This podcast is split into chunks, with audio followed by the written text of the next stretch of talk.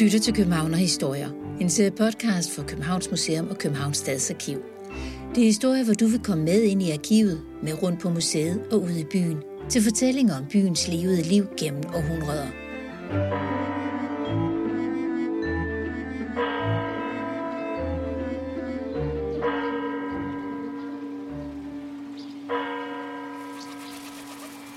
Museumsinspektør Jakob Parby, den her lyd af rådhusklokkerne er jo ikonisk for København. Hvad er det for en lyd?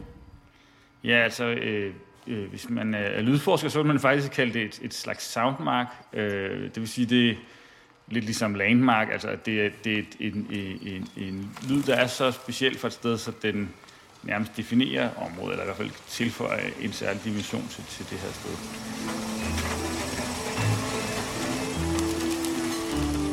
Vi er på Københavns Museum for byens lyde danner baggrund for den faste udstilling, og hvor museumsinspektør Jakob Parby fortæller om forskningsprojektet Lyden af hovedstaden. Det er et projekt, du endnu ikke kan se, men som du her kan høre om. For hvor historikere og arkeologer normalt arbejder med genstande og papirarkivalier, så er sanserne nu kommet i spil i historieforskningen. Det er gadens lyde, københavnernes stemmer, fabrikkernes effektivitet og trafikkens larm. Hvor rådhusklokkerne i dag er den nærmest ikoniske lyd af hovedstaden, så genkendte københavnerne byen på helt andre lyde i 1800-tallet, fortæller Jakob Parby. Noget af det, der vil være meget overraskende og anderledes for os, øh, det vil være, at øh, dels er der jo ikke trafik på samme måde som i dag, og dels så er byen meget mere militariseret i dag. Så når vi i dag går ned ad gaden og ser livgarden en gang imellem og synes, det er lidt hyggeligt, så skal man forestille sig, at der har været tusindvis af soldater i København øh, sådan dagligt nærmest øh, i, i, i starten af 1800-tallet. Og de har simpelthen præget by, bybilledet både med øh, vagtparader og med, øh, med sådan, øh, når de skulle sendes rundt til forskellige steder i byen, hvor man også gik i kompanierne og nogle gange spillede musik på vejen. Øh, og det er faktisk noget, der fylder meget, øh, også i de historieklager, jeg har undersøgt fra begyndelsen af 1800-tallet, hvor der er for eksempel mange, der de er i kirke om søndagen, der, der beder om, om ikke soldaterne kan gå en anden vej, så de ikke ligesom bliver forstyrret i deres øh, gudstyrkelse øh, af de her vagtkorps, der vandrer forbi. Støjklagerne, som Jakob Parby fortæller om, kommer fra ugebladet Politivennen, der udkom i 1800-tallet. Her kunne københavnerne skrive om de ting, de var utilfredse med i byen. Det var andre menneskers adfærd, skidtet i gaderne og den larm, der nat og dag satte sit præg på byen. Vi skal høre mere til politivennen og klagerne lige om lidt. Men først lidt om forskningsprojektet, som er et samarbejde mellem Københavns Museum, Center for Byhistorie, Moskov Museum og Center for Dialektforskning på Københavns Universitet. Et hold af forskere og ansatte fra de institutioner skal sammen sætte fokus på lyden af byen. Herunder sproget, dialekter og lydene fra private hjem, fabrikker, kirker og gader. Alt sammen hører det ind under begrebet sansehistorie, som er noget ret nyt i historieforskningen. Der har været i, sådan, i historieforskningen bredt har der været en, en vækst i det, man både kalder følelseshistorie og sansehistorie, øh, nok i de sidste 20-30 år. Øh, og lydhistorien har sådan set også været sat på tegnebrættet siden måske i 70'erne, men det er klart, at, at øh, der er helt klart en ny bølge af, af musal interesse i lyd, kan man sige, øh, som også, synes jeg, heldigvis bevæger sig nogle nye steder hen. Altså typisk den måde, vi har brugt lyd på museerne indtil nu, det har været lidt som vi faktisk står i det her rum og hører. Altså man laver nogle iscenesættelser af et, rum, af et lydrum, for eksempel, som skaber stemning til oplevelsen af resten af udstillingen. Men i det her projekt, der vil vi jo også gerne prøve at komme ligesom næste skridt. altså at, at vi ikke kun prøver at rekonstruere selve lydene, men vi prøver også at komme ind i hovederne på de folk, der lyttede. Altså øh, når vi lytter til øh, en hestevogn, for eksempel, eller vi ser livgarden, der går gennem gaderne. I dag så har vi nogle bestemte, så måske lidt nostalgiske øh, fornemmelser, når man ser det, eller også synes man bare, det er lidt mærkeligt, at der, der er nogen, der rider rundt i hestevogn i den her by, der ellers er så moderne og, og, og, og trafikeret. Øh, mens at øh, hestevognene i, i, i, i tidligere tider har jo været sådan en, øh, for det første den normale transportform, men også i langt højere grad noget, man skulle tage, tage sig i akt for, og måske springe til side for, når der kom en eller anden drønende gennem gaderne med, for fuld hammer med, med sine varer eller sit, øh, øh sit affald, eller hvad det nu kunne være. Forskningsprojektet blev indledt i 2019, og det skal løbe de næste par år, hvor det skal munde ud i artikler, en bogudgivelse, der skal være rekonstruktioner af historiske lyde og lyduniverser, der bliver undersøgelser af udviklingen af dialekter i København og omegn, og naturligvis også en udstilling om masser af lyd, som kan opleves på museet og rundt om i byen. Lige nu og her er forskningsarbejdet i gang og Jakob Parby nærlæser politivennen og gennemgår københavnernes klager for at blive klogere på lydene i begyndelsen af 1800-tallet. En del af klagerne gik dengang på al den støj, der blev fremkaldt af byens mange erhverv, blandt andet korsmedene, hvis hamren og banken larmede gennem nogle af byens gader. Den evige hamren på de store kedler, og det midt på gaden, piner folk og forskrækker fag. Kommer man fra Grønnegade, hvor et lignende væsen drives af en lavsbruder, der er man allerede døv på det ene øre. I Borgergaden bliver man det på det andet. Må man dog ikke i det 19. århundrede skulle finde det passende at anvise slige personer plads uden for stederne.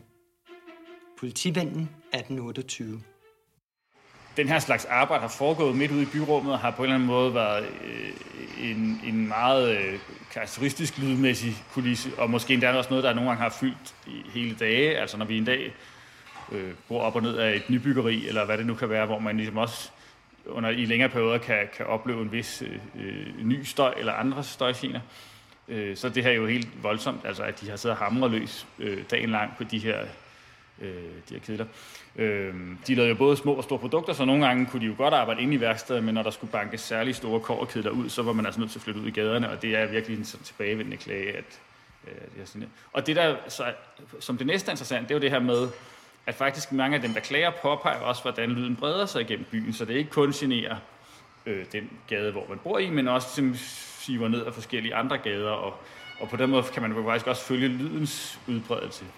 Øh, og det er jo et, sådan et generelt noget, der er interessant som, som byhistoriker også. Altså, hvad har forskellige øh, måder at designe byen på? Hvad har det betydet for, hvor, hvordan lyden blev dæmpet eller spredt? Eller og sådan noget. Og, og noget af det, som så også er interessant, er jo sådan set, Øh, at, at man i København ikke har haft en by, der var stor nok til, at man kunne begynde at sætte, dem, altså sætte alle korsmidlerne et bestemt sted hen. Der er faktisk flere, der forestår det. Kunne man ikke ligesom sige, den her slags larmende beskæftigelse, ligesom man også siger om lugt, ildelugtende beskæftigelse, kunne de ikke blive flyttet uden for byen, eller kunne de ikke blive flyttet et andet sted hen, så vi ikke alle sammen skal genere af det. Øh, men der har man jo stadigvæk en eller anden form for privat ejendomsret og ret til at udøve sit erhverv i byen, fordi indtil for nylig, og stadig på det, som har byen jo været defineret som det, der var inden for voldene, dem, der havde borgerskab, de må drive deres erhverv der og ikke nogen andre steder. Så der er, sådan, der er mange øh, spændende aspekter i det, synes jeg, som, øh, som man kan bruge det til. Udover kåresmedene, er der så andre erhverv, der giver lyd til byen? Ja, altså, øh, der er jo selvfølgelig vægterne, som man kan sige, det er jo ikke som sådan et, et privat erhverv, men, men de har til opgave at, at overvåge byen om natten, og er jo sådan en slags forgænger til, til det moderne politi. Øh, og en af de ting, der er nedarvet ved deres erhverv, er jo for det første, at de, de bevogter byen, når den, er, når den er lukket, kan man sige, når folk sover, men også, at de så, øh, som blandt andet har det opgave til opgave at ligesom øh, annoncere hver time, at nu er klokken slået det og det, og det sker jo med, med de her traditionelle vægtersange, øh, som helt klart også kommer under pres her i 1800-tallet. Altså, der er rigtig mange, der spørger, hvorfor er det egentlig nødvendigt, de stadig synger alt det her, og de synger så frygteligt. Kan vi ikke ligesom enten ansætte nogen, der kan synge ordentligt, så vi ikke skal høre på det her rædselsfulde øh, skråleri, eller øh, måske simpelthen øh, nedsk- indskrænke mængden af, af, af vægter sang øh, i gaderne. Og så er der faktisk andre, der omvendt kan finde på at klage over, at, at deres vægter ikke synger højt nok, så de har svært ved at orientere sig lidt af natten, om klokken nu er slået det eller det. Øh, og det hænger jo også om den anden funktion af den her Øh, øh, hørbarhed, det var jo, at man så vidste, at der var ro over det. Vægterne havde styr på det. Der var ikke nogen brand eller noget som helst andet, de, man skulle være bange for. Øh, så det er jo også en dimension. Endelig er der så dem, der faktisk er bange for, at, øh, eller for, er ligesom lidt bekymret over, at vægterne også har en fløjte, som de af til bruger ret ofte. Og det har man tidligere haft som et system, at de kun skulle gøre, når der var rigtig øh, stor fare, altså især ildebrand. Øh, og der flere har oplevet ildebrand, og måske har næsten fået angst af det, så kan det ligesom også være en kilde til enormt stor uro. Så det, det er virkelig en figur, der fylder meget, også hvad det lyden, lyden angår det. Øh, men det forsvinder så med den store politireform i, i 1860'erne, og derefter så, er det ligesom, så træder man jo en helt ny tid, hvad, hvad hele det her fænomen angår.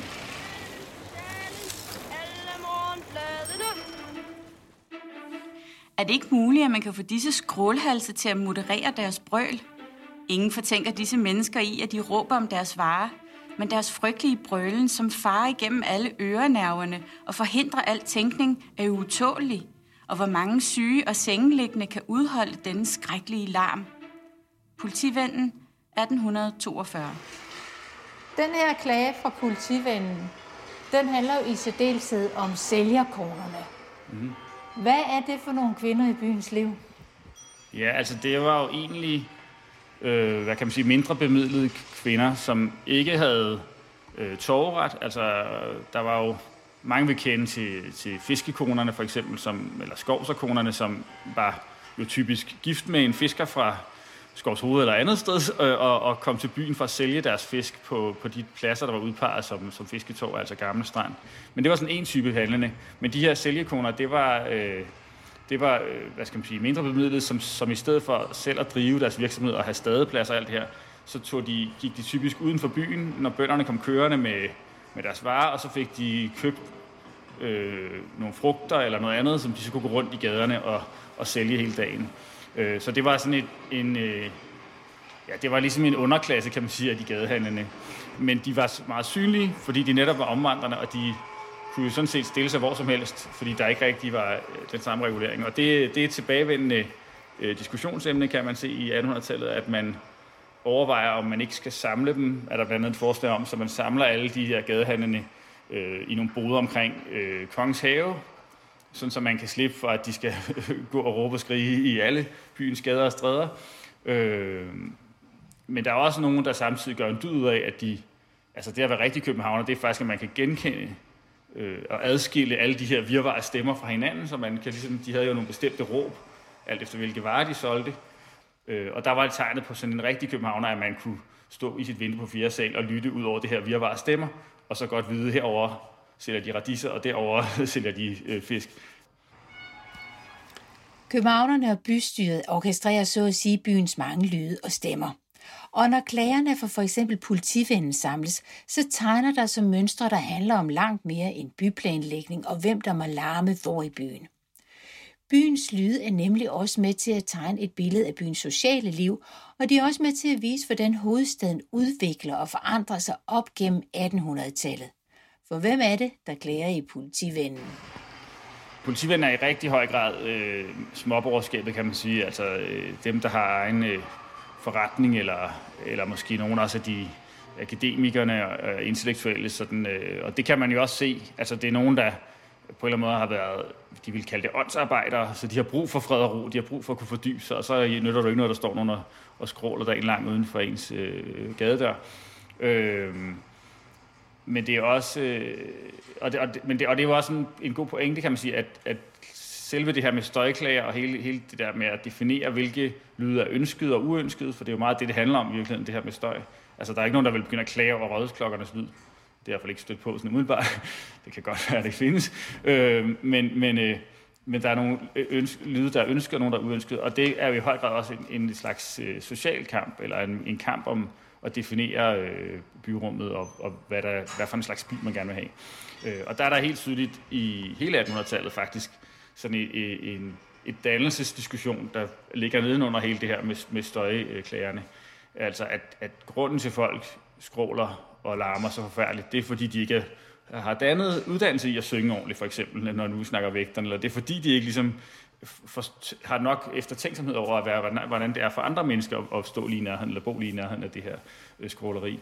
Øhm, så, så, så det er faktisk også på en eller anden måde en klassekamp, øh, hele det her øh, lyddiskussion. Og, og, og man ser det faktisk på interessant nok fortsat op i tid, altså da gadehandlerne bliver trængt lidt til side, og man øh, i det hele taget får nye lyde ind, for eksempel lyden af de første biler, eller øh, lyden af klaver og gramofon, som rykker ind i lejlighederne, så er der sådan set de samme argumentationer, at jamen, de her mennesker, der nu glimrer løs på deres klaver dagen lang, så jeg ikke kan koncentrere mig i et arbejde, de der frygtelig uddannede og frygtelig usiviliserede og har ingen respekt for, for, hvad der egentlig betyder noget i livet.